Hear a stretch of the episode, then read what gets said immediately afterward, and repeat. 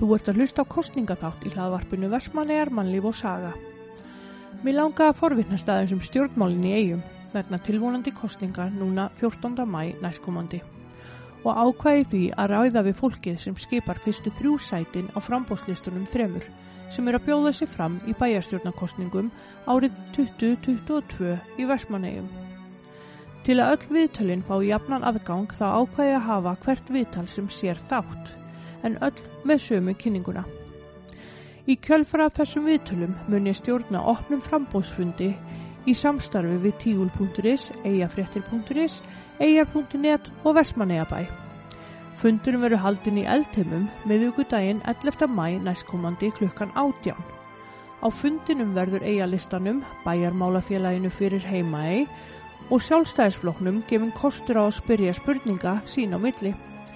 Bæjarbúum er hér gefin kostur á að spyrja frambóðin spurninga og einnig er hægt að senda spurningar á eigar 2022 at gmail.com fyrir þá sem vilja það frekar.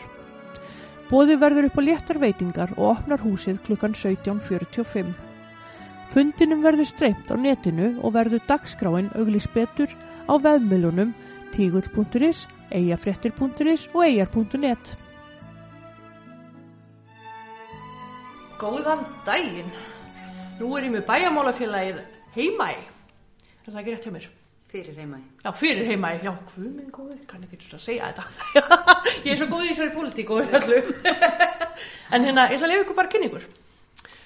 Já, ég heiti Pál Magnússon, uh, kvæntur, fjarabarna faðir, mentaður sagfræðingur og unnið á fjölmiðlum eiginlega alla efir, þangað til fyrir fimm árum að ég fór á Alþingi og skipa fyrsta sæti á Hólista. Mm.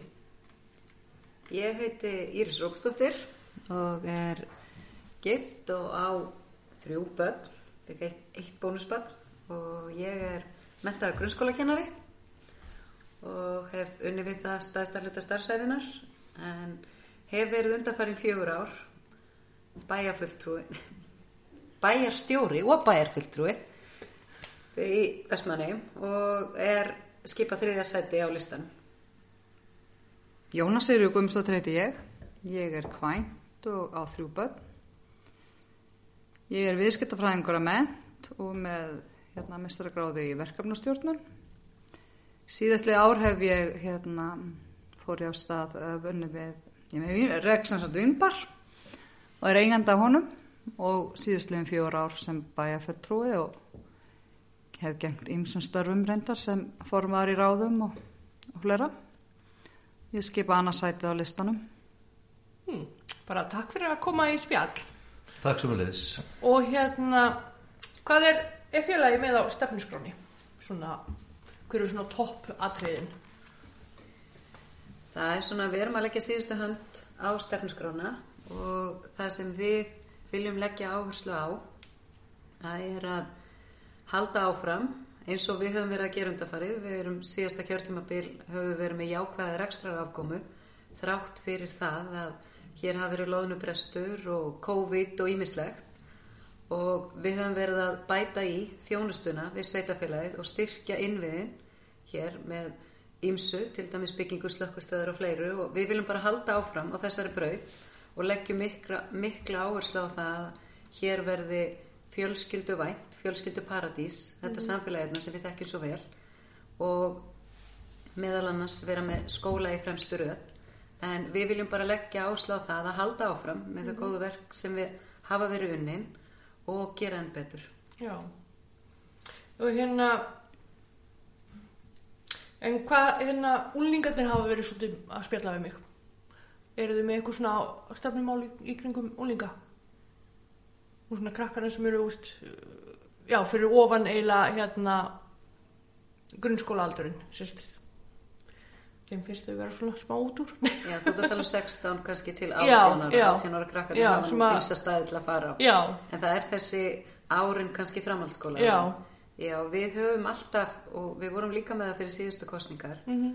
að vilja mæta þessum hóp en þessi hópur, það hefur verið svolítið flókið að mætunum okay. en það hafa verið gerðar í gegnum tíðina tilröndi með ungmennahús og svona ímislegt en Já. ég er algjörlega bara sammálað þessum krökkum við þurfum að mæta þeim með einhverjum hætti og við höfum náttúrulega, erum með það sem við kallum féló eða félagsmiðstöðina fyrir grunnskólan og við viljum fara í stefnumótun með krökkunum sjálfum varðandi það og ég held að og, og veit það að við allir erum sammálum það að það þarf að huga þessum aldursóp líka Já. við erum með einmitt ungan drengi á okkur sem er reyndar um tvítugt en hann er algjörlega á sama máli en það ef þú ætlar að gera eitthvað í þessu þá þarfst að gera það með krökkunum Já, og það sem hefur kannski komna hugmyndu um er að hér fyrir all nokkrum árum voru var til dæmis aðstæða fyrir hljónsveitir og svona en þetta er klárlega málaflokkur sem þarf að sinna og þessi atrið það þarf að gera metanum Já. eða úlingunum í þessu tilviki einmitt. En hérna segjum að þið vinni kostningar þar. Hver er bæjastjóra efnið? Það liggur fyrir náttúrulega, Íris er bæjastjórefnið Já. áframhaldandi þannig að, að það hefur aldrei verið í neinum neinum, í vaf, neinum vafa undirorpið að þannig er það. Það var hins vegar niðurstaða uh, hálistans og, og bæjamálafélagsins að, að það færi betur á því að bæjarstjóra efnið skipaði ekki oddvitasætið á listanum og þess vegna er þessi háttur hafður á sem raunin er. Já. En hérna, er þið vinavæðing mikil? Myndið þið ráða mikið að vinum ykkur í vinnu, í vinnu og eitthvað svona? Er það eitthvað mál sem að er Nei, ætli það, ég get ekki ímyndað mér að- kaffistofunum? Ég get ekki ímyndað mér að það sé, uh, það sé vandamál. Auðvitað er alltaf kannski erfitt við að eiga í, í, til þess að gera litlu bæjarfélagi, þar sem allir þekkja alla og uh, ef viðkomandi er ekki vinuðinn þá er hann kannski kunningiðinn eða ættingiðinn Einmitt. eða vinur ættingjaðins eða eitthvað þannig að það er alltaf tengsl þannig á millin. Ég held að ráðningaferli hér í bænum séu með þeim hætti orðin að, að það er ekki það er ekki hætt á þessu. Þetta er náttúrulega vinna sem við fórum bara í í Já. upphafi kjörtjómanbilsins, þetta var ábúta vant og við fórum í bara regluverki og gera verklagsreglur og til að auðvelda fórstöðumannum til að, hérna, og þeim sem að eru sjá um ráðningar hjá bænum Já. af því það er að sjálfsögðu ekki kjörnir fulltrúar sem að eru að fara með þau mál Nei, einmitt. Þannig að það er, úst, ekki lengi, svo- eða, ég veit ekki hvort það hafi verið, ústu, svona pólitísk tengsl í, í ráningum. Það er að mista kosti regluverkið er orðið þannig og reglurnar og ráðningaferðlarnir að þetta á að vera eins faglegt og, og hugsa skiptur. Já. En hvað er búin að vera lengi í pólitík, ef við byrjum á þér, Palli? Já, ég er náttúrulega búin að vera í pólitík í fimm ár Já. eftir að ég hætti í fjölmjölum og þá fór ég í þingframbóð 2016 og uh, í kostningar þá og aftur kostningar 2017 og svo lauk því kjör, kjörtímabili í haust og þá held ég að ég væri hættur í pólitík. En síðan kom þessi óskeða tilmæli um það að ég uh, lipi hér undir bakka og ég hefði áhuga á því, þetta er minn bær og, og, og hérna og fínt að nota það sem á, á eftir af starfskrafstofunum í þetta. Já. Þannig að ég er komin í pólitíkin aftur í, undir aðeins öðrum formerkjum en ég var. Já. Þetta er skemmtilegt. Já, ég er bara rétt að byrja, þetta eru nokkra vikur, en þetta er mjög gaman, þetta er mjög gott fólk og ástæðan fyrir því að ég var tilbúin í þetta var einfallega svo að ég hef átt þess kost sem þingmaður, fyrsti þingmaður Suður kjördamis og setið í fjárlega nefnd allan tíman sem ég hef verið á þingi að fylgjast með sveitastjórnarmálum í kjördæminu. Og uh, hagsmannagæslu náttúrulega fyrir uh, sveitastjórnir og út um allt kjördæmið litlar og stórar. Og ég hef bara fylst með með nokkuri aðdáun uh, bæði á, af hagsmunagæslunni uh, sem fórustum en sveitafélagsins hér hafa staðið fyrir gagvart ríkisvaldunum, staðið sér mjög vel í því og ég er ekki vissum að allir átti sig á því að, að það hafa orðið sko ekki bara svona stiksbreytingar heldur eiginlega eðlisbreytingar. Það hefur til dæmis tekist að snúa við algjörlega afstöðu samgöngu yfirvalda, bæði ráðunettisins, samgöngu ráðunettisins og vegagerðarinnar uh, til þess hvernig uh, hérna þeir líta til Vestmanneja og náðst mjög góður árangur. Það er búið að taka út þessi dýfkunatímabil sem voru. Það er orðin yfirlýst stefna vegagerðarinnar að halda landið höfn opinni allt árið sem var ekki. Það er búið að viðurkenna sjónamið eigamanna um það að, að það þurfi að breyta öllum mælikvörðum á það hverjir eru hæfir til þess að dýfka höfnina. Og í útbóði sem verður farið í núna á næstu vikum og það var gerað miklu strángari kröfur, tæknilegar og, og, og, og afkastalegar til þeirra tækja sem verða notuð hérna. Uh, Þetta er partur af því sem ég hef fylgst með og mér finnst bæjastjórna meirulutin, bæjastjórin og, og, og þeir sem hafa verið í forsværi fyrir þennan meirulut hafa staðið sér afspyrnum vel í þessu.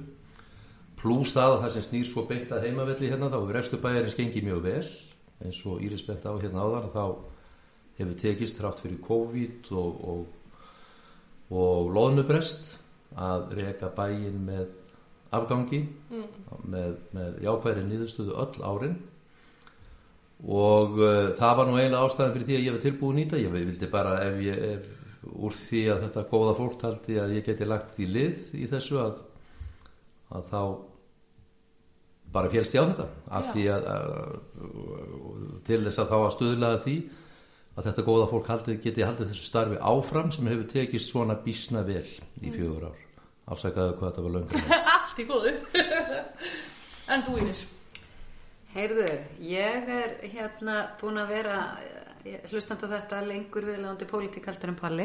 uh, ég er náttúrulega byrja mjög ung að starfa í kringu pólitík. Mm. Er skráð í sjálfstæðisflokkin 16 ára. Eða skráði mig, ég var ekki skráð, ég skráði mig sjálf. Uh, og er svona í kringum þetta tölvert svona inn og út og vinn mikið í kringum kostningar og svona og svo 2007 kem ég inn í þetta með meiri meiri kraftið og tekið við hérna sem formaður sjálfstæðsfélag Vestmanni eftir saminningu og held svo áfram í, í því og fyrir svo 2009 í prókjör til hérna Alþingis fyrir sögkjörtami og enda þar í fjórða sæti, bæði mig fram í fjórða og fekk það. Var gríðarlega gefandi og lærdómsrikt ferli að fara hérna og þetta er sögkjörtami spanna bara hálft Ísland. Já. þannig að það er bara það, eins og ég segi, það, það lærði, ég lærði mikið af því og það kendi mig mikið. En svo verði ég varaþingmaður og tók nokkur sinni sæti á þingja það kjörtímabil 2009 til 2013 og bara fannst þetta mjög spennandi. Mér fannst þetta allt gerast svolítið hægt í þinginu. Mér fannst svona ferðlarnir eru langir og málinn taka tölverðan tíma og á þessu tíma er, er ég sitandi með stjórnar anstöðu þannig að það var ekki mikið ágengt, ágengt þar en ég lærði rosa mikið af þessu og fannst þetta gaman samt. En svo þegar kemur á prókjörunu 2013 þá eru bara þannig aðstæður að pappi bara mjög veikur og við bara svona erum bara eiginlega að vaka yfir honum. Þannig að ég ákvaða að fara ekki prókjörið þetta fjall saman í tíma. Þannig þá svona tók ég eiginlega svona steig frá þessum landsmálum.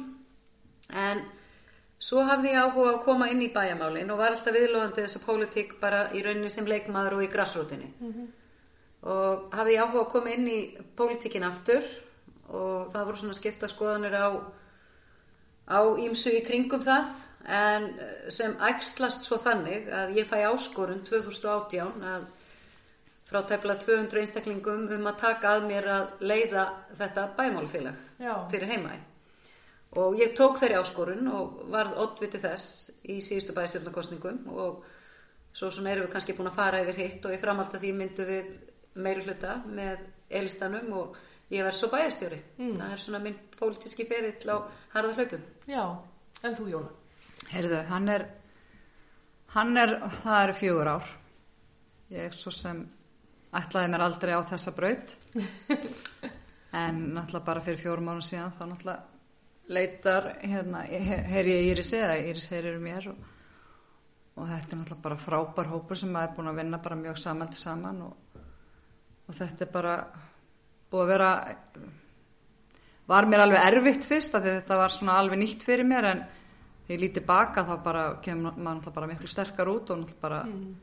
viðsýtni og allt það sko og bara búið að vera frábært ferðalega og ég bara var svo sem ekkert lengi að taka ákvörðinu það að halda áfram Nei. þetta er búið að vera bara mjög gott Einmitt. Hérna, eh, er eitthvað sérstakt málefni sem að þú brennur fyrir persónulega, Palli? Já, sko það hefur æslast þannig eins og ég var eiginlega að segja á þann að uh, ég hef komið mest að því að því sem snýraði þessari hagsmunagæslu fyrir sveitafélagi gagvart ríkinu en ekki verið í neinu návíi við þessi praktísku vandamál sem það er Jóna og Íris hafa verið að fást við síðustu fjögur árin en tel mig þó hafa fylst vel með svona, helstu málum og gangið þeirra hérna hjá bænum. Og en ég svona hef sem sagt verið þeim megin hryggjar að vera að horfa til þessara mála sem við eigum undir ríkið að sækja með sem eru þá samgöngumálin heilbriðismálin mentamálin mál sem snúa þeirri starfsemi sem er á vegum ríkisins hér í bænum eins og lögreglustjóra ennbætti og síslumansennbætti og þar framættu göttunum þar er verk að vinna fyrir okkur að verjast í rauninni áformum ríkisvaldsins marg ítrekuðum um að leggja niður síslumansennbættið í Vestmannum og jafnvel eru svipaðar hugmyndir varandi lögreglustjóra ennbætti líka og ég hugsa að það er augljós varnar bara átt að fram, framundan. Það tókst að afstýra þessu uh, í síðustu allugu nú er frumvarp þess að efnis komið fram enn á ný, reyndar í fjóruða skiptið á sennilega jafnmörgum árum sem þessi tilrunni gerð. Og við þurfum að berja skegg því. Síðan eru þessi mál sem við þurfum að gæta að uh, í samgöngumálunum. Þá þurfum við að ljúka þeirri úttekt á landeigahöfn mm -hmm. sem var sett í gang hér um árið með, í framhaldi af þingsaltunatillögu sem ég flutti sjálfur í þinginu á þeim tíma. Setni hlutina þeir eru út eftir eftir það þarf að ljúka henni. Við þurfum líka að ljúka eða þrýsta á að það verði lokið físileika könnun á lagningu ganga millir lands og eiga sem framtíða lausn á samgöngunum. Mm -hmm. við þurfum að reyna að koma því til leiðar að það verði aftur tekið upp ríkistyrt áallunaflug millir lands og eiga sem var lagt af hérna 2010 Það er varðandi heilbriðismálinn, þá viljum við fá stjórn á heilbriðistofnun Vestmanneja aftur hingað heim. Mm -hmm. Það er ekki reynst okkur vel að eiga undir selfos að sækja með það. E, við þurfum líka að þrýsta á með það að það e, sjúkra þyrlu verkefni sem fór í gang hér um árið og lagðist af út af COVID Það sem meðal annars var fyrir hugað að leggja að, að hafa sjúkraþyrluna staðsetta hér í Vestmannum yfir vetratíman og það verði farið í það verkefni. Þanga til við að freysta þess að tryggja sjúkraflutninga flugvél sér staðsett hér í Vestmannum, að minnst okkur stuði vetratíman. Mm. Við vitum það að viðbræðstími e, er allt og allt of langur í sjúkraflugi til Vestmannega eftir að það fór til Akureyrar, því að það fór til Akureyrar frá Vestmannegum á sínum tíma. Þannig að þetta eru þau málefni sem snúa að ríkinu. Við hérna og ég býst við að það fari talsverðu þróttur mm. næstu bæjarstjórnar í að, að ná þessum málum fram. Því að við þurfum að horfa upp á það varandi heilbreyðismálin og spítalan hérna í Vestmannum að það hefur nánast verið tekin svo ákvörðun sem er ekki sér íslensk að það eru ekki nema að það verður bara eitt hátæknisjúkrahús á Íslandi, það verður í Reykjavík. Já það þýðir það ef við orðum þetta svona gróflega að þá þýðir þetta það að það sé þá stefna ríkisins að lækna alla mm -hmm. á landsbytalanum mm -hmm. en þá er grundvallarættir í því að það sé tryggt að allir komist ángað í tæka tíð mm -hmm. og það er, það er bara áttu punkturinn okkar núna Já. helsti framöndan í þessu En allir að setja meiri þrýsting á að HSU verða til dæmis með opna skurstofu og fæðingarþjónustu eins og var bara hérna áður fyrr Ég, miða við það eins og ég sagði á þann, þá held ég að þó að við vildum það, mm -hmm. að þá sé að það óraunhæfur kostus. Já. Við höfum samanbörðin til dæmis við Noreg. Noregur er bara búin að taka það ákvörðun að skurðstofur, hátækni skurðstofur, að þær verði bara á þremur sjúkrahúsum í Noregi. Já. En síðan ábyrgjast þeir það að allir normenn komist innan hvað, 50 mínútna eða hvað það var, 55 mínútur, á íslíka lækningu. Já. Þannig að ég held því miður að bara átt að fyrir því að það verði opni hér skurstofa mm -hmm. í Vestmannum sem ég ekki sérstaklega raunsæ okay. þó að við vildum það en, en, en, en átakapunkturinn er þá sá að það verði ábyrst með áþreifanlegum hætti mm. að við komumst í, já til dæmis þá lífsbjörgandi þjónustu já. á skikkalegum tíma sem, sem þarf að gera. Þannig að ég held að þetta sé ekki raunhæf krafa og talsverð óskíkja sem er þið á bakvið það að halda það að það er þið opnaða skurstofur það er bara ekki partur af helbriðispolítikin í landinu. Já, þannig að fæðingaþjónustan er í rauninni þá bara áfram í Reykjavík? Þessi hátækni þjónusta allavega. Já, hún skiptist auðvitað fæðingaþjónustinu í nokkra flokka já. en ég held að eins og raunin hefur orðið að þá eru ekki er, þá eru, og það gildir ekki bara um mitt. að flestar konur kjósa orðið að fæða við þær aðstæður sem þær vita að bjóðast örugastar í Já, landinu ég held að algjörlega. þetta sé bara það- einfallega þannig Já, einmitt. En, hvað, spurja þig, eða spurja, já, þetta byrja náttúrulega öll svona, halda áfram með þennan lit, að hérna, en til dæmis með elli heimilið.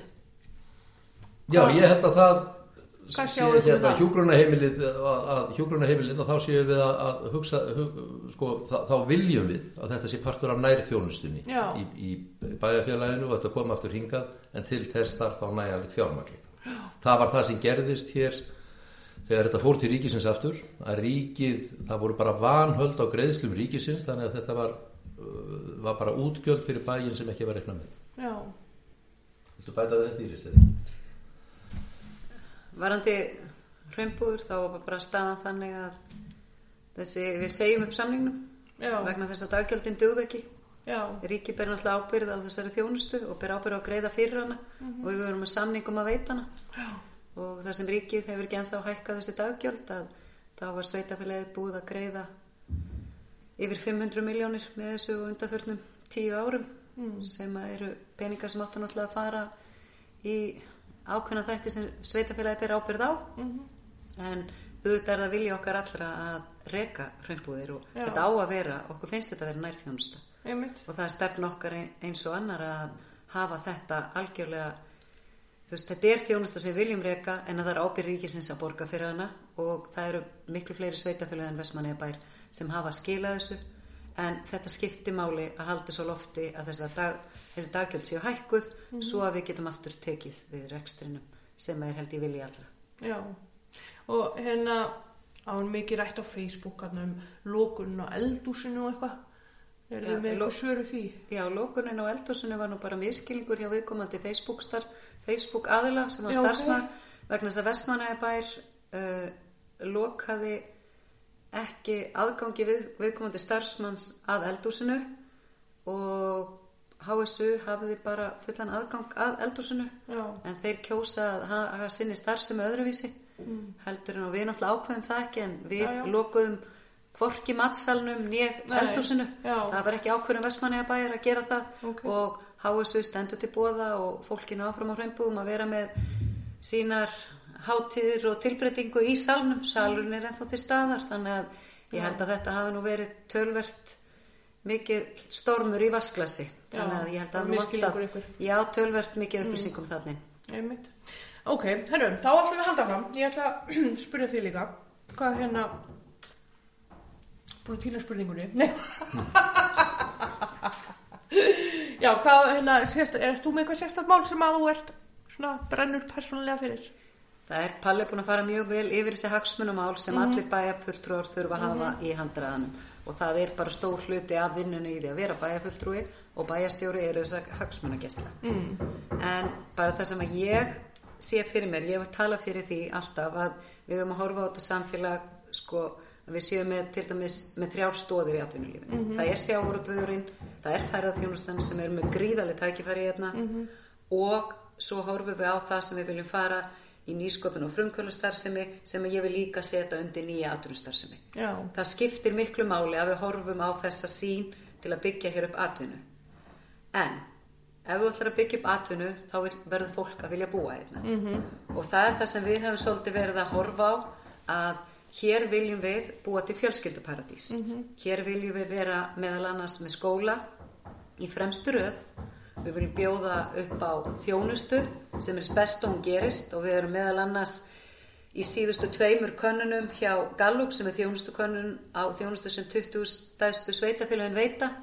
Þá höfum við komið best út allra sveitafélagi í þjónustu við barnafjölskyldur og í þjónustu við fatlaða. Já, og þessu viljum við halda auðvitað áfram Já. á samt ímsu öðru sem það er. En bara fókusum minn er á ég held að það að gera vel og fjárfesta í framtíðinni meðal annars í innviðum og í mentun barna okkar og öðru sem snýr að skólum og leikskólum sé líkil þáttur í velmöguna samfélagi mm. og mér finnst þetta líka snúa að íþrótt og æskulísmálunum að því mentun og menning gerir það að verkum að þú vilji búa á staðin -hmm. og það að hafa aftrenguna og hafa skóla í fremsturöð, leik og grunnskóla og tónlistaskóla, það er eitthvað sem við ættum að státa af, að því að við höfum allt hitt. Já. Við höfum frábæra skóla, við viljum bara fá það í fremsturöð, en við höfum líka stórkostlega náttúru og við getum búið til klukkutíma í sólarhingin fyrir mann og annan bara með stuttum vegalengdum. Þannig að ég held að tækifærin fyrir vestmaðurinn í framtíðina séu gríðarlega mikil. En þú Jóna? Já, bara tengdu þessu, þá náttúrulega stöndum við frammi fyrir því að í skipulasmálum, það er bara verið með landrými sem er bara ekki næjanlegt fyrir, úst, það eru 13 lausa lóðir hjá Vestmannabæ fyrir einbilshús, úst, þetta er ekkit, ekkit magn og þetta er eitthvað sem við þurfum verulega að skoða og bara í samengi við það að fá fólk heim, úst, það bara verður þá að geta haft stað til að búa á. En svo náttúrulega eru umhverfismálun okkur náttúrulega bara ofalega í huga. Við hérna, erum að klára núna að gera umhverfis og öðlindastefnu. Því þetta er náttúrulega bara stór málaflokkur sem að hérna, við þurfum að fá alla íbúa bæjarins og fyrirtæki bara í lið með okkur. Því þetta er, þetta er mikið verkefni framöndan. Þetta er svona verkefni sem að náttúrulega fer stækkandi. Og þetta er svona það sem að við höfum lagt mikla áherslu á á þessu kjörtumabíl og munum halda áfram. Já. Var erfitt að fá fólk til þess að, að bjóða sér fram að lista? Þið viti meira en en ég, ég það var ekkert sérstaklega erfitt að fá mig. Nei, mér skildist að það var, að það hefði bara gengið vel Já. þegar farið var á stað. Ok. Í þess að hjá, kjörnefndin talaði þannig þegar verið var að kynna lista. Já, Að það hefði bara gengið vel. já. Okkur var ekki farið í prókjör. Það var reynd, eins og frekt er orðið, og óskað eftir því að uh, við ætlum að kjósa um fjögurastu sætin og samkvæmt því sem var þá voru bara fjórir aðalar sem buðu sig fram í fjórastu sætin og þar að leiðandi var ekki hægt að fara í prókjör en það voru tíu aðalar sem lístu áhuga á að taka sæti á listanum. En þá voru þau, þær óskir náðu alveg upp í sko áttundasæti en það var ekki verið að fara að kjósa um það. Já. en bara svo það sé sagt þá er prókjör alltaf besta leiðin. Og ég lýsi bara mikill ánægja með það að ákveði frambúð hér í bænum hafi ákveðið að fara í prókjör eftir 32 ár Mhm. af því að það hefur mjög oft komið upp að þetta sé líðræðslega leiðin og þú ert með, með hérna, eitthvað þegar þú hefur tækifæri til að gera það þá áttu alltaf að gera það Já. og ég hefði svo gjarnan vilja að fara í prókjör af því að mér finnst það vera veist, þessi hlutur Mhm. en það höfðu allir til dæmis tækifæri á að bjóða sig fram og það höfðu allir tækifæri á að koma aðdjóðsendir eða samþykja eða hafna listanum Mhm. allir sem eru skráður í félagi Já. En hérna að öðru, geta sveitarstjórnir ítt á að fá mér í nám til, eða, til dæmis yðnám og svo leiðis.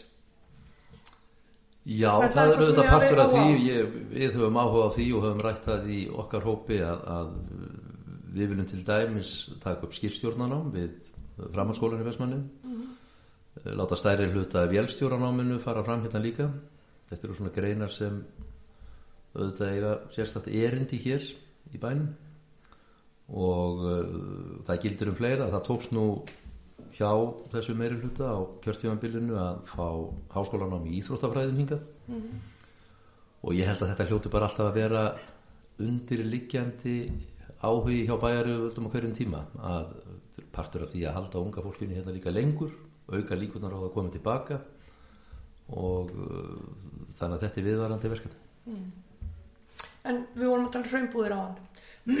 er komið hérna einhver niðurstaða í að byggja nýja hraunbúðir eða?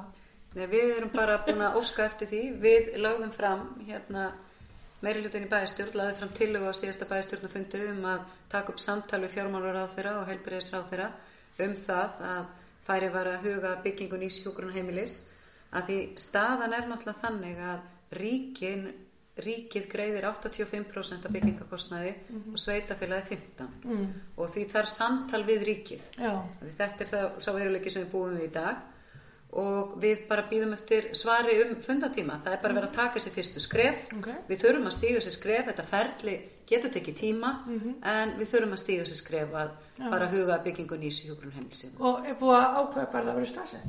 Nei, það er hlutið að greiningur en bara svo því sé haldið til haga í bæjarstjórn að þá samþyktu allir bæjarfulltrúar að það að við færum í þessa vegferð. Og bara ég held að sé full samstæða um það. En mér heyrðist á öllum sem töluðu þar að, að fólki líst betur á að það sé start nær miðbænum heldur en það sem það er í dag. Já. þannig það var svona flesti sem töluðu allavega í bæjastjórn töluðu um að, að það væri kannski hugað að annari staðsetningu. Já. En hérna, hvað finnst ykkur ábúta vant í Vestmanniðum? Það við byrjum á því Palli. Já, sko, ég held í sjálfur sér að þá sé alltaf hægt að gera betur á ýmsum sviðum uh, og það er að tala um svona mennuleg uh, sveitastjórnarmálefni. Það sem hérna, það sem svona huglægt er kannski uh, sem mér er oft ofalega í huga, við getum, við getum tekið svo mörg nýleg dæmi í þá veru að það eru eiginlega, hvernig ég vorða þetta? of mikið læti um alla hluti hérna í Vestmanni. Það er eiginlega ekkert ágreiningsefni sem kemur upp, getur verið málefnalegur ágreiningur um hvað sem er, það er ekki eins og að vera pólitík, það getur verið um síkilt ágreiningsefni er náttúrulega allt sem snýra samgöngum og herjólfi og svo liðs. Við gerum líka uh, síðasta svona upplöpið ef við getum kallað það við þurfum að ágreiða málefni eins og gerfigras á íþróttavelli eða eiginlega hvað sem er mm. að þá er, þá er hérna og ég hef oft talað um þetta þetta er nú svona hálf uh, kannski þreytt klísja hjá mér að, að sko þessi nánd og samstaða sem er hérna í bænum og er 95% góð lýsir sér í alls konar hlutum lýsir sér í hvernig við tökum á og stöndum saman hér í erfiðleikum, utan að komandi erfiðleikum uh, og eiginlega kannski bæði í sorg og gleði en uh, hinn hliðin á þessum peningi er svo að við eigum mjög erfitt með það hér að leysa úr venjulegum ágreiningsefnum á þess að gera þau persónuleg mm. hér er allt ef við orðum það svona kaldranarlega farið í hund og kött yfir öllu málum mm. Og ég held að, að hérna, ef við ættum sameinlega að fara í sameinlegt átækum eitthvað hér í Vestmannum að það væri þá kannski bara slakað eins á sko. að, að hérna að reyna að ráða fram úr venjulegum vandamálum sem mér sýnist á öðrum stöðum þar sem ég hef verið séu, séu sko leist á aðeins lægra háfaðastí heldur en Já. gerist og gengur hér í eigum það eru aðeins of mikið læti um öll mál hérna sko. mm. það er nú eiginlega kannski það sem hérna, við ættum kannski öll að reyna að laga og horfa inn í okkur með Erum við kannski bara með svona surandi skap? kannski, en ég held að þetta sé nú ekki öll mál en um, en um mörg mál og Já. bara ekki tekið undir það það mætti bara vera að minna þrass og meiri gleði Já, jákvæðni og samstæða, kannski líka bara að pólitíkin að sína gott fordæmi þar einmitt. En hvað finnst þér ábúta vant? ég bara, þú veist, það er alltaf eftir að gera betur og ég, ég finnst sko gagvart hagsmunagæslunni þá er ég ósátt við stöðuna sem heilbærismálun er í -hmm. og mér finnst og það er bara síðan 2013 þegar skurstofunni var sko lokað Já. að þá hefur sam og ekkert áhennistar Einmitt. og það er hlutur sem við þurfum að gera og svo finnst mér líka og eins og Jóna kom inn á áðan varðandi umhverfismálin að ég held að við getum gert helling í því. Og ég held að vestmanningar séu bara virkilega tilbúnir til þess að gera mikið í því. Þannig ég held við getum gert ímislegt í umhverfi okkar og svo auðvitað þurfum við að fjölga ekkjónum í körfunni í varðandi atvinnutækifæri. Já, og það er held ég rosalega mikilvægt að við hugum vel að því. Já, en bara það er svo margt gott hérna og það er svo mikilvægt og þess að þessi spurning pínu klassísk. Hún hefði kannski átt að vera hvað er gott? Skilur við förum alltaf að skoða Já, já. það sem að kannski hvað getum við gert betur og það, við, það er okkur holdt að skoða það. Já. en á meðan við erum að gera það þá erum við líka að hugsa til þess hvað erum við að gera vel? Já, að fólk lítur til okkar annars það frá veist, það er upplifun fyrir fólk að koma til Vestmanni ég fæ það reglulega að hérna, þið þarna þið haldið allt í helgum. Sko við höldum þjóðatíð um helgi við höldum þrettanda um helgi við erum með gósloka helgi. Það er allt haldið í helgum hjá okkur það er engin einn dagur. Og þú, þetta er einhvern veginn þú veist þetta við þurfum að gera allt á fullu trukki sem kannski trublar okkur líka þegar við erum að taka ákvarðanir og við erum að takast á um þetta, við gerum það líka á fullu trukki. En ég held bara við höfum svo ótrúlega margt hérna við getum gert margt mikið betur Já. en við höfum ótrúlega margt hérna sem er gott við höfum að byggja á því og nota það svona í þetta jákvæða og uppbyggilega samtal en bæta svo þetta það sem okkur finnst að betur megi fara á. Við höfum auðvitað að hlusta á fólk sem er hérna. Hvað er það sem á betur fara? Já. Ég hef bara eina skoðun en það eru miklu fleiri hérna sem að geta lagt í púki með það. Já, mitt. En þú, Jóna? bara þannig ég held áfram með umhverfismálin þá Já. náttúrulega er það bara hérna, bara mikilvægt fyrir okkur að, að vinna í því áfram að því það er veist, við þurfum bara líka að vera með fræðslu og við þurfum bara stöðugt þetta er bara svona málaflokkur sem bara stöðugt þarf að vera að menna íbúa á og, og alla og bara líti eigin barm sko.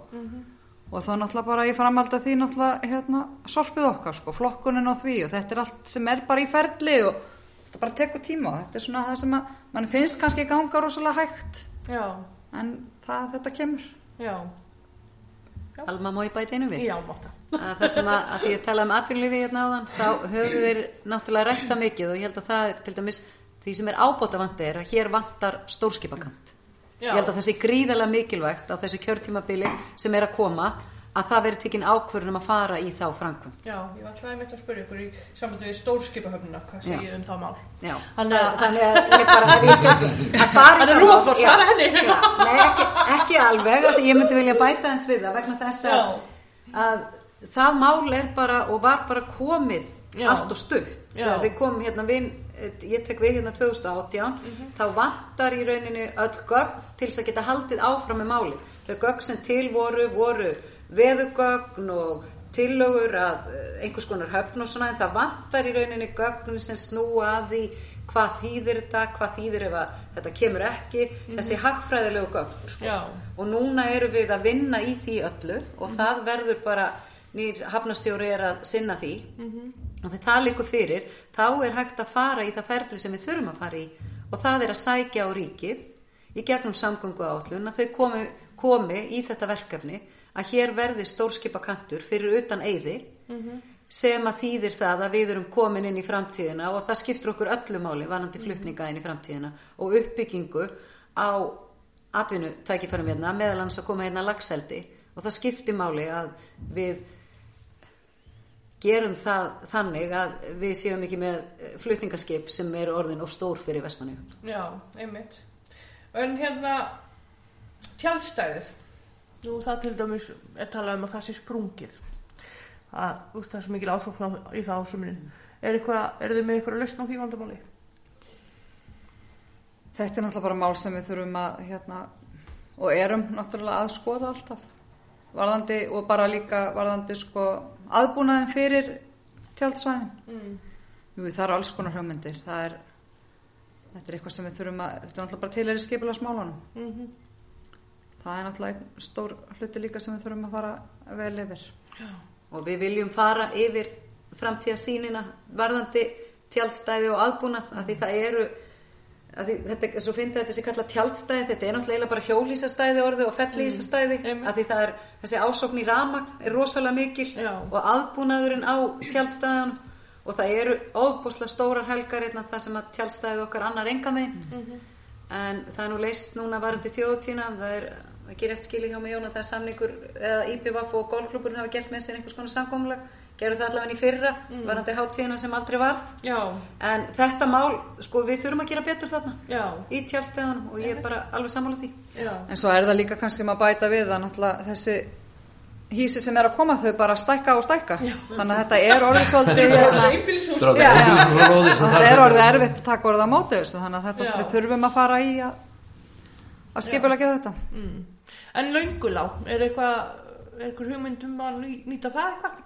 Já, við náttúrulega erum hérna, það er búið ákveða að fara í að skipulegja það Mm. og, og hugmyndin er að fá fá fjóra aðila til að koma með hugmyndir inn og velja úr því það er bara mjög hérna, þetta er bara mjög áhugavert verkefni Já, hlakka mikið til þess að ef ég fæ að vinna því, þessu áfram þá er það mjög skemmtilegt verkefni og er ykkur, getur eitthvað upplýst okkur hvað er verið að pæla í að gera það? en svo bara koma hugmyndir frá þeim þá það er rauninni, þá í svoleiðis. rauninni Já, sjáum við bara ráðið er búið að samþykja Já, Já, ráðið er búið að samþykja, Já. þetta náttúrulega er bara í aðalskipulagi hvernig uppbyggingin á svæðinu á að vera ok.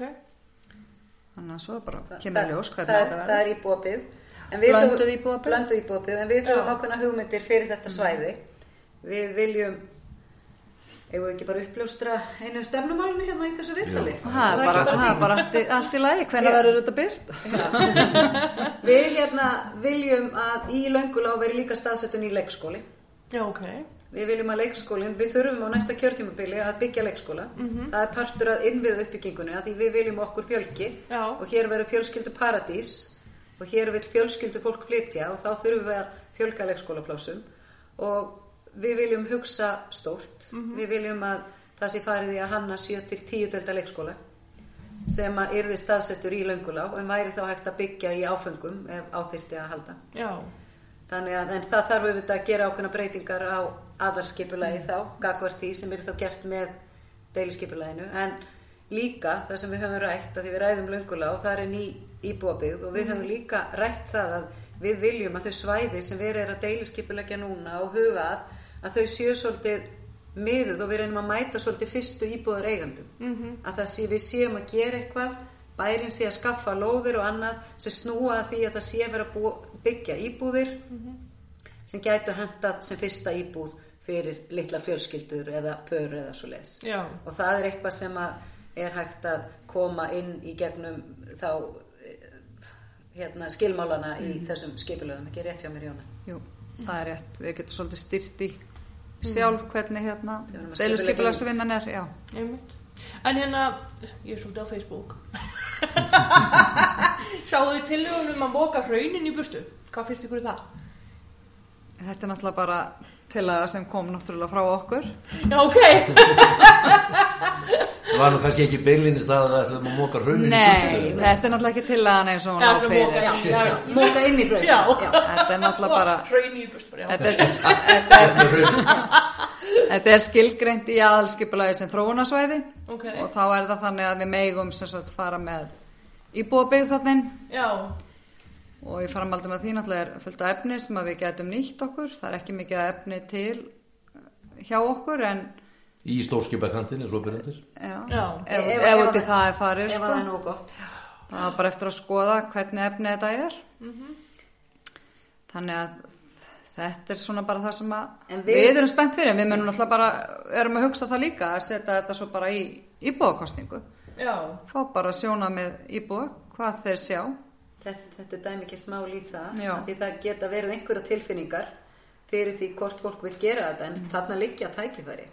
Það er yfir einum þriðja að eiginu er eiginlega nýtt raun og ef við ætlum ekkert að hugsa neitt með það og ekki eins og við taka samtali við íbúa um það hvort að við eigum að nýta og búa til lóðir fyrir íbúabyggð sem geti meðal annars verið með áherslum um að að halda trúnað við gamla miðbæin þetta væru, að væru skilmálar inn í eins og Jóna talaði áðan um deiliskepilu Já.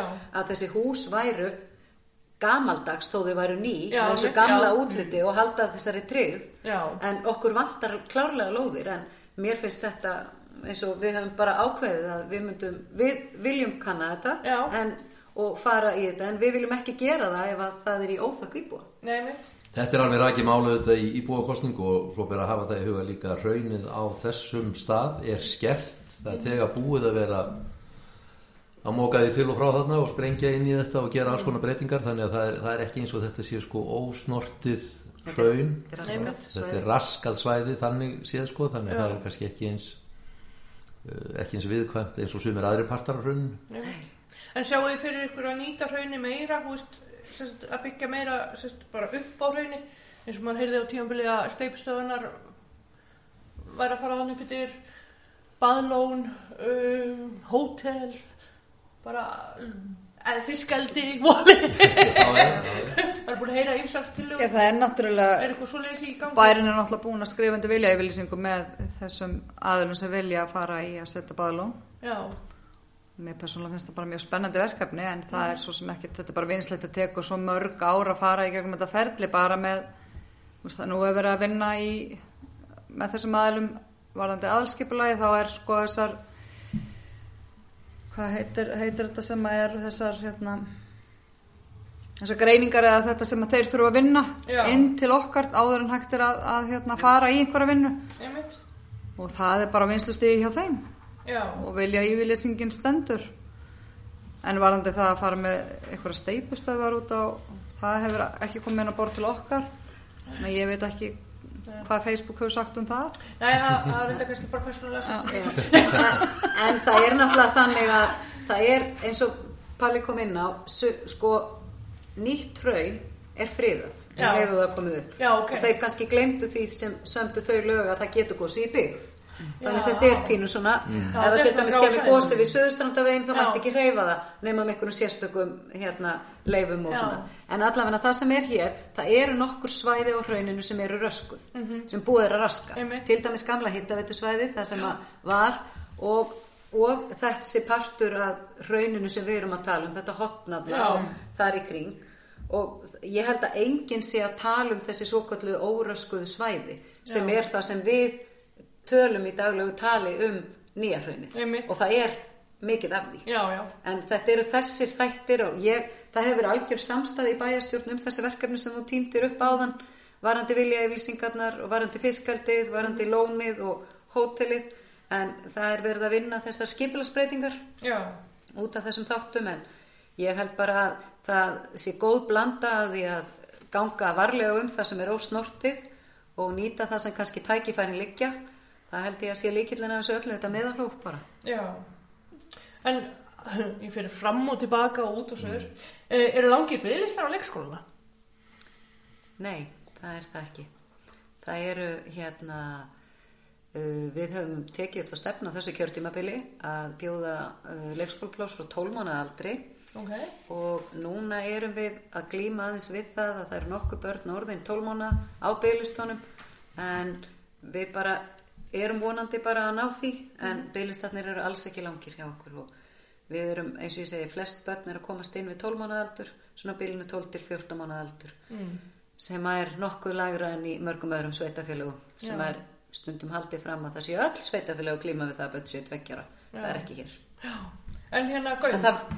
Bara svo ég Já. klári en við þurfum að mæta því það hefur verið mikil Já. Mhm. fjölgun af börnum hérna þess vegna nefni ég með leikskóla á næsta kjörðumapili Já. að við munum lenda í ákveðnum vanda ef við förum ekki að huga að nýjum leikskóla Einmitt. að því okkur er að fjölga Já, já, og það tekur tíma að byggja. En hérna, Gaung, hvað segir þið þeim málum? Er það eitthvað sem þið viljið? Já, ég held að, að það hljóti að vera í rauninni framtíðarlausnin hér á samgöngumálum til lengri tíma litið. Það þarf að klára þessa físileikakönnun eins og margi kannski muna þá höfðu menn efasemtur um það og margi jarðfræðingar hafa ennþá efasemtur um það að það sé hægt að bóra sig í gegnum hafsbótnin hérna, hann er allt og laus í sér, grjúpur og varasamur til gánagerðar. Nú er hins vegar að koma með ný tækni, mm. þetta eru ekki boruð jarðgöng, þetta eru ofanáliggjandi göng, lögðu ofan á botnin og, uh, og það hefur líka sett uh, strík í sko fjárhagspartina af þessu, þetta er ódýrari leið heldur en, uh, heldur þessi boruðu göng voru. Þannig að það, ég held að sé mjög mikilvægt að klára sem allra fyrst uh, uh, þessa físileikakönnun og skoða hvort að þetta sé raunhafi möguleiki bæði tæknilega og svo fjárhagslega og taka þá afstöðu til þess hvort að framtíðar laust á samgöngum millir lands og EF felist í þessu eða í einhverju öðru. Við þurfum að komast sem allra fyrst að niðurstöðu í þessu að því að við erum náttúrulega að horfa ára tugi fram í tíman Já. og ég held að sé mjög brínt að fara að komast að þeirri niðurstöðu hvort að þetta sé það sem við þurfum að stefna þetta framtíðar eða ekki. Er hérna, og ég bara eitt bara því hvort við séum hlindgöngum já, ef það ert að gera göng þá ég göng já. En er það sagt að það er bara pingu lítið eftir að þessar rannsókn? Uh, já, það er sko, það er lítið eftir að jarðvegsrannsóknunum sem Já. voru þá fyrst og fremst hugsaðar sko fyrir boruðugöngin Já. en ég held að það sko, ég, ég held að það er eftir að kanna betur með hvernig þetta hendar fyrir þessi ofanáliggjandi göng eins og verið er að Já, eins og núna er til dæmis línan í Nóri að það eru eiginlega öll göng sem þeir eru að, að, að planera en það er náttúrulega við aldrei aðrar aðstæður. Þetta er gæ- gjarnan innan fjardargöng sko og það er svolítið annað heldur en að leggja það yfir allansafið sko. úthafið en ég held að það sé ekkit mikið ég held að menn sé ekkit lengi að komast að niðurstöðum þetta. það er bara að setja þessar rannsóknir og þessa, þessa físileika konun í gang sem fyrst Já. En hérna að öðru. Ef annar hvort mót, mótframbóðslistinn kemur með frábæra hugmynd sem ykkur finnst góð, styðjiði hana eða hugsiði málið? Já, við myndum allavega að hugsa málið og ef hún, ef hún reyndist eins góð og okkur væri sagt að hún væ- hérna væri þá myndum við örgulega stiða það, já, alveg vissum það Já. Já, algjörlega. En hérna, við vorum að tala um græs, hérna gerfigrassi, ég sá það einmitt líka á Facebook, ég átti á Facebook. Hvað hérna, er það að sjá fyrir ykkur? Gerfigrassi eða venjulegt græs á hóstisvelli? Ef að hérna, ég fengi að taka þennan bolta að þá á þessu kjörtímabili þá lögðum við mikið upp úr því að fara í framtíðar stefnumótun varðandi uppbyggingu íþróttamannvirkjaðirna og svo vinna er búin að vera í gangi mest allt kjörtímabilið og allir aðilar sem eru hennar IPVF hérasambands sem eru öll aðildafélögin sem er IPVF íþróttafélag, sundeldin, fimmleikarnir og áframætti telja að kæmi með sína hugmyndir að uppbyggingu og aðstöðu fyrir sig Mm. og þessum gögnum var skilað til okkar.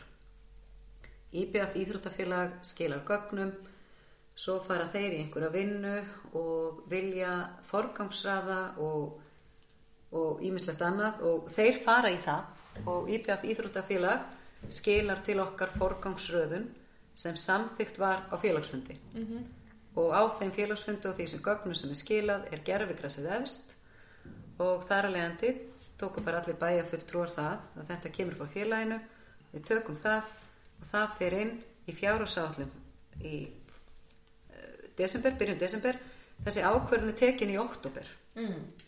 þannig að mér finnst sko án þess að taka afstöðu til eða frá það var bara algjörl sam, samstæðu um það í bæjarstjórn að fylgja því sem félagið var að leggja til. Mm og þetta var það sem félagið vildi og bæjarstjórn samþykti það. En hálfu ári setna er þetta orðið uh, bitbein sem ég finnst leiðilegt að því mér finnst að það verðast vera átök innan félagsins sem er ekki gott. En ég vona bara að það komist niðurstað í þetta og ég er bara fylgjandi því sem að er best fyrir félagið og félagið leggur til alveg eins og ég er fylgjandi því sem fimmleikarnir leggja til fyrir sig.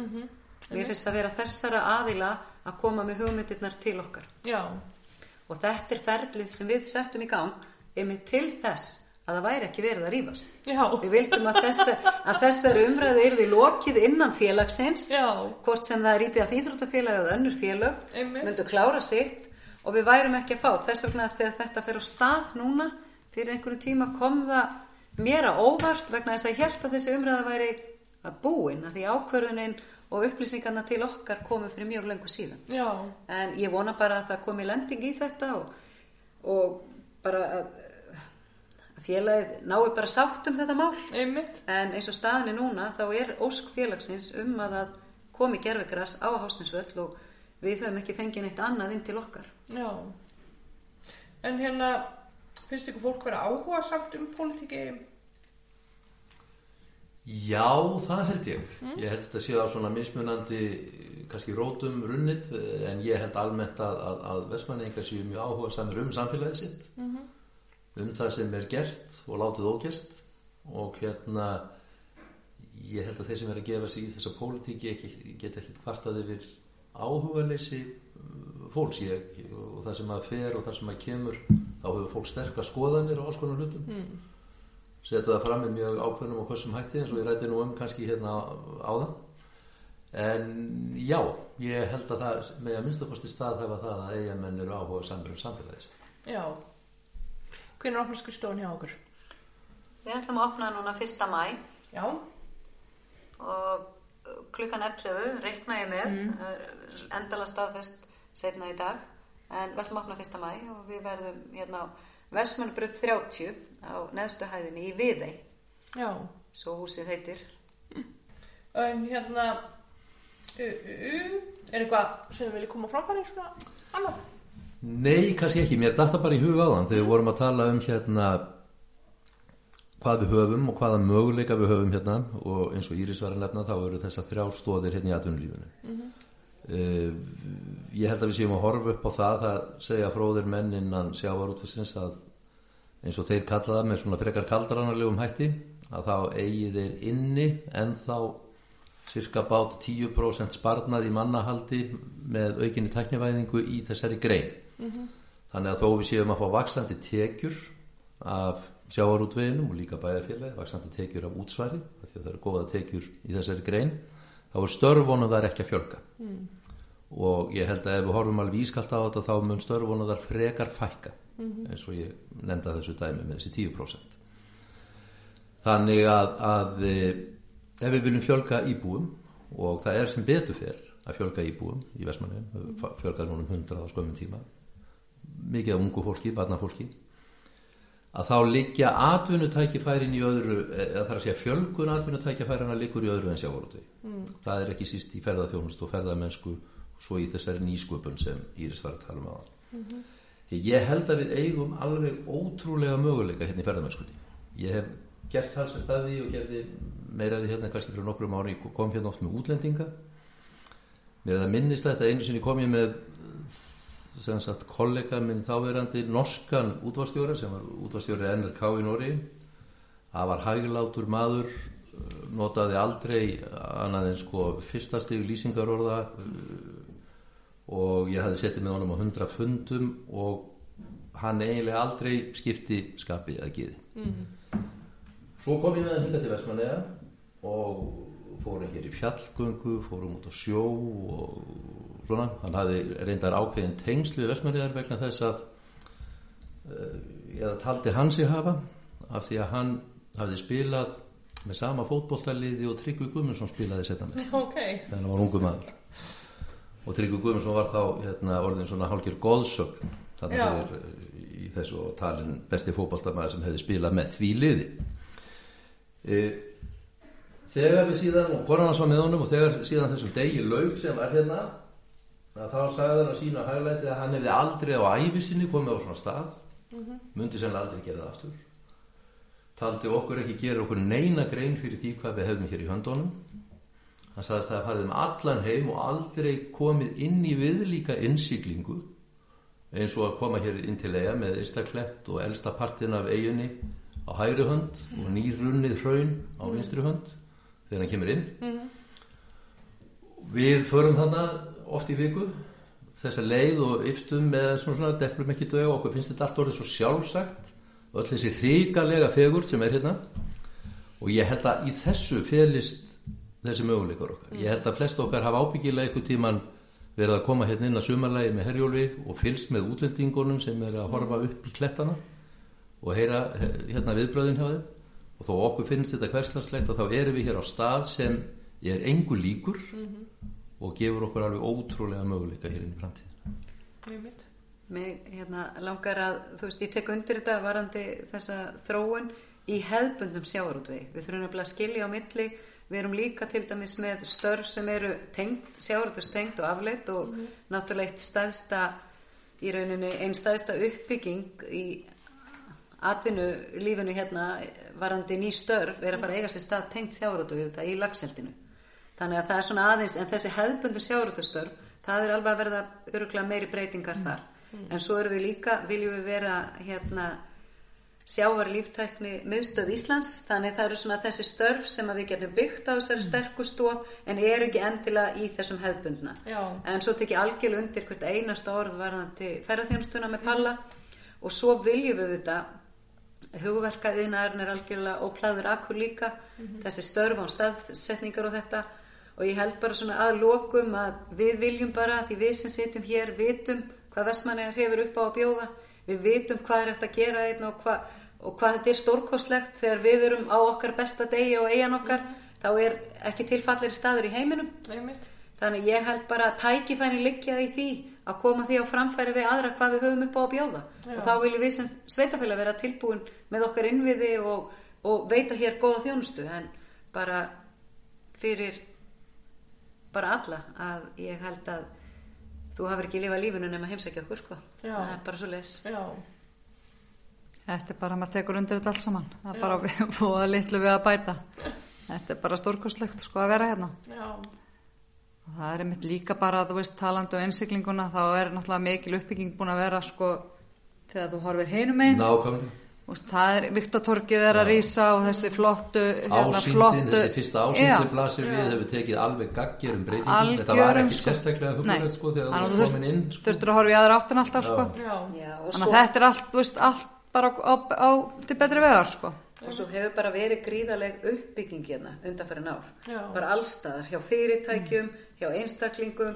Það er gríðalega uppbygging í ferðarþjónustunni, það er markvaldast gistingin, samt er hún ekki næg, það eru bara, og það eru bara fleiri og fleiri að sjá tækifærin í því að byggja upp og bara reka fyrirtæki, búa og vera í Vestmanni. Já. Ég held ekki að sjá þið bara þess að ofbúslegu breytingu sem var. Ég, mér finnst það vera mjög stutt síðan að maður gata eiginlega ekki tengið annað en bara hambúrgur og pulsus. Já. Hérna, nú er búið að gera þetta, hvað heitir þetta, að sko matar, Em, Embluvelunin, embluvelunin sem matar áfangastaður Já. Norðurlanda, Norðurlanda. Við erum kannski með, og ég er stað það, við erum ábyggilega með, ég þóra ekki að segja þetta svo viðkvæmt að tala svona, en, en hérna sko við eigum hérna veitingastaði fleiri en einn og fleiri en tvo, sem er alveg örglega í hópi tíu bestu veitingastaði á Íslandi. E, og þó víðar væri leitað og hérna e, og þessi breytingull, þetta er vola skrítið með hennar bæjarbra, ég reyfi upp sögu, hún er, hvað, hvað var þetta? Síðasta sumari fyrir COVID, hvað var hvað sumar var það þá? 2019. 2019 þá hafði ég verið að þvælast hérna niður á Bryggju og það var hérna stór engasnekja sem var hérna uh, niður á Naustamarsbryggju ég var að velta fyrir mér hverjum á þessari snekju og okkur er hann hér Mm. þetta var svona dýra, dýrari típan svo frækandi myndi segja Já, já.